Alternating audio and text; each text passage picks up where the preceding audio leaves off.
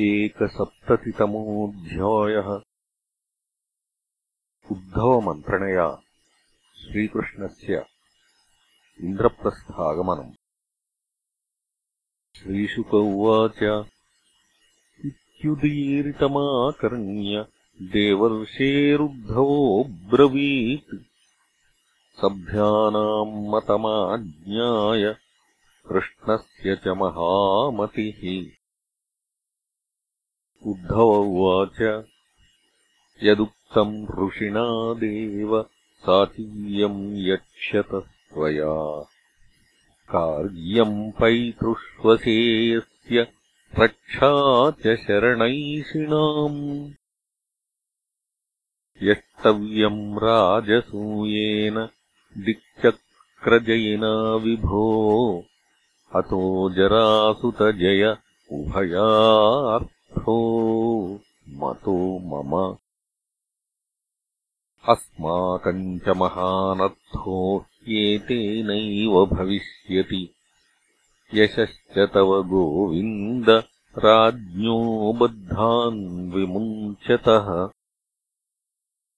स वै दुर्विशहो राजा नागायुतसमो बले बलिनामपि चान्येषाम् भीमम् समबलम् विना। द्वैरथे स तु जेतव्यो मा शताक्षौहिणीयुतः ब्रह्मण्योऽभ्यर्थितो विप्रैः न प्रत्याख्यातिकर्हिचित्। ब्रह्मवेषधरो गत्वा तम् भिक्षेत वृकोदरः हनिष्यति न सन्देहो। द्वैरथे तव सन्निधौ। निमित्तम् परमीशस्य विश्वसर्गनिरोधयोः। हिरण्यगर्भः सर्वश्च कालस्यारूपिणस्तव गायन्ति ते विशदकर्मगृहेषु देव्यो राज्ञाम् स्वशत्रुवधमात्मविमोक्षणम् च। गोप्यश्च कुञ्जरपतेः जनकात्मजायाः पित्रोश्च लब्धशरणामुनयो वयम् च जरासन्धवधः कृष्ण भूद्यर्थायोपकल्पते। प्रायः पाकविपाकेन तव चाभिमतः क्रतुः। श्रीशुक उवाच इत्युद्धववचो राजन् सर्वतो भद्रमच्युतम्। देवर्षिर्यदुवृद्धाश्च कृष्णश्च प्रत्यपूजयन् अथादिशत्प्रयाणाय भगवान् देवकीसुतः भृत्यान् दारुकजैत्रादीननुज्ञाप्य गुरून् विभुः। निर्गमय्यावरोधान् स्वान् ससुतान् सपरिच्छदान् सङ्कर्षणमनुज्ञाप्य यदुराजम् च शत्रुहन् सूतोपनीतम् स्वरथमारुहद्गरुडध्वजम्। ततो रथद्विपभटसादिनायकैः करालया परिवृतात्मसेनया। मृदङ्गभेर्यानकशङ्खगोमुखैः प्रघोषघोषित्ककुभो निराक्रमत् नृवाजिकाञ्चनशिबिकाभिरच्युतम् सहात्मजाः पतिमनुसुव्रता ययुः वराम्बराभरणविलेपनस्रजः सुसंवृता नृभिरसिचर्मपाणिभिः नरोष्ट्रगोमहिषखराश्वतर्यनः करेणुभिः परिजनवारयोषितः स्वलङ्कृताः कटकुटिकम्बलाम्बराद्युपस्करा ययुरधियुज्य सर्वतः। बलम् बृहद् ध्वजपटच्छत्रचामरैः वरायुधाभरणकिरीटवर्मभिः दिवांशुभिस्तु मुलरवम्बभौ रवेः यथार्णवः शुभिततिमिङ्गिलोर्मिभिः। अथो मुनिर्यदुपतिना सभाजितः प्रणम्यतम् हृदि विदधद्विहायसा। निशम्यतद्व्यवसितमाहृतार्हणो। मुकुन्दसन्दर्शननिर्वृतेन्द्रियः राजदूतमुवाचेदम् भगवान् प्रीणयन् गिरा। मा भैष्टदूतभद्रम् वो घातयिष्यामि मागधम्। इत्युक्तः प्रस्थितो दूतो यथावदवदन् नृपान्। तेऽपि सन्दर्शनम् शौरेः प्रत्यैक्षन् यन्मुमुक्षवः आनत्तसौवीरमरूंस्तीर्त्वा विनशनम् हरिः। गिरीन्नदीरतीयाय पुरग्रामव्रजाकरान्। ततो दृषद्वतीम् तीर्त्वा मुकुन्दोऽथ सरस्वतीम् पाञ्चालानथमत्स्यांश्च शक्रप्रस्थमथागमत् तमुपागतमाकर्ण्य प्रीतो दुर्दर्शनम् नृणाम्।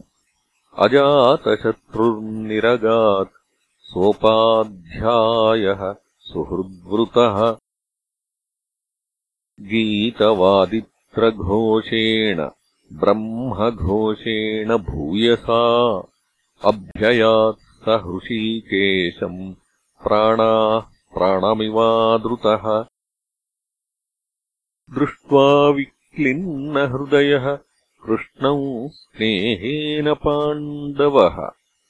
चिराद्दृष्टम् प्रियतमम् सस्वजेथ पुनः पुनः। दोर्भ्याम् परिष्वज्य रमामलालयम् मुकुन्दगात्रम् नृपतिर्हताशुभः लेभे पराम् निर्वृतिमश्रुलोचनो हृष्यत्तनुर्विस्मृतलोकविभ्रमः तम् मातुलेयम् परिरभ्य निर्वृतो भीमः स्मयन् प्रेमजवाकुलेन्द्रियः यमौ किरीटी च सुहृत्तमम् मुदा प्रवृद्धबाष्पाः परिरेभिरेच्युतम् अर्जुनेन परिष्वक्तो यमाभ्यामभिवन्दितः। ब्राह्मणेभ्यो नमस्कृत्य वृद्धेभ्यश्च यथार्हतः।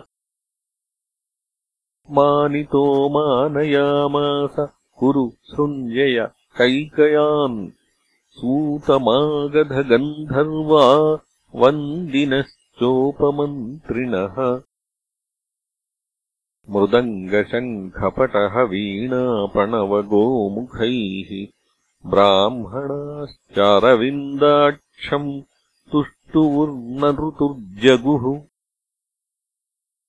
एवम् सुहृद्भिः पर्यस्तः पुण्यश्लोकशिखामणिः संस्तूयमानो भगवान् विवेशालङ्कृतम् पुरम्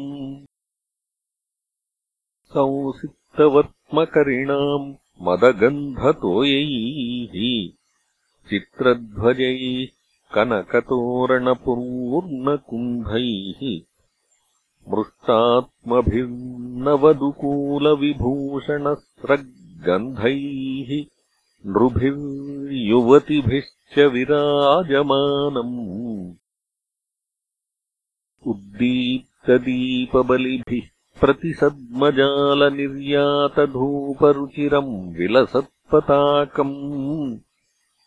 मूर्धन्यहेमकलशैरजतोरुशृङ्गैः जुष्टम् ददर्शभवनैः कुरु राजधाम प्राप्तम् निशम्य नरलोचनपानपात्रमौत्सुक्यविश्लथितकेशदुकूलबन्धाः सद्यो विसृज्य गृहकर्मपतींश्च तल्पे द्रष्टुम् ययुर्युवतयः स्म नरेन्द्रमार्गे। तस्मिन् सुसङ्कुलैभाश्वरथद्विपद्भिः पृष्टम् सभार्यमुपलभ्य गृहाधिरूढाः नार्यो विकीर्यकुसुमैर्मनसोपगुह्य सुस्वागतम् विदधुः। उत्स्मयवीक्षितेन ऊचुः स्त्रियः पथि निरीक्ष्य मुकुन्दपत्नीः। तारायथोडुपसहा किमकार्यमूभिः यच्चक्षुषाम् पुरुषमौलिरुदारहासलीलावलोककलयोत्सवमातनोति। तत्र तत्रोपसङ्गम्य पौरामङ्गलपाणयः चक्रुः सपर्याम् कृष्णाय श्रेणीमुख्या हतैनसः अन्तःपुरजनैः प्रीत्या मुकुन्दः फुल्ललोचनैः ससम्भ्रमैरभ्युपेतः प्राविशद्राजमन्दिरम् पृथा विलोक्य भ्रात्रेयम् कृष्णम् त्रिभुवनेश्वरम् प्रीतात्मोत्थाय पर्यङ्कात् सस्नुषा परिशस्वजे गोविन्दम् गृहमानीय देवदेवेशमादृतः पूजायाम् नाविदत्कृत्यम् प्रमोदोपहतो नृपः। पितृष्वसुर्गुरुस्त्रीणाम् कृष्णश्चक्रेऽभिवादनम् स्वयम् च कृष्णया राजन् भगिन्या चाभिवन्दितः श्वश्वा सञ्चोदिता कृष्णा। कृष्णपत्नीश्च सर्वशः। आनत्य रुक्मिणीम् सत्याम् भद्राम् जाम्बवतीम् तथा।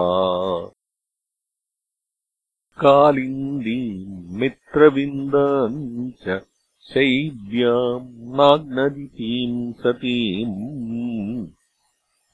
अन्याश्चाभ्यागतायास्तु वासस्रङ्मण्डनादिभिः। सुखम् निवासयामास धर्मराजो जनार्दनम् ससैन्यम् सानुगामात्यम् सभार्यम् च नवम् नवम्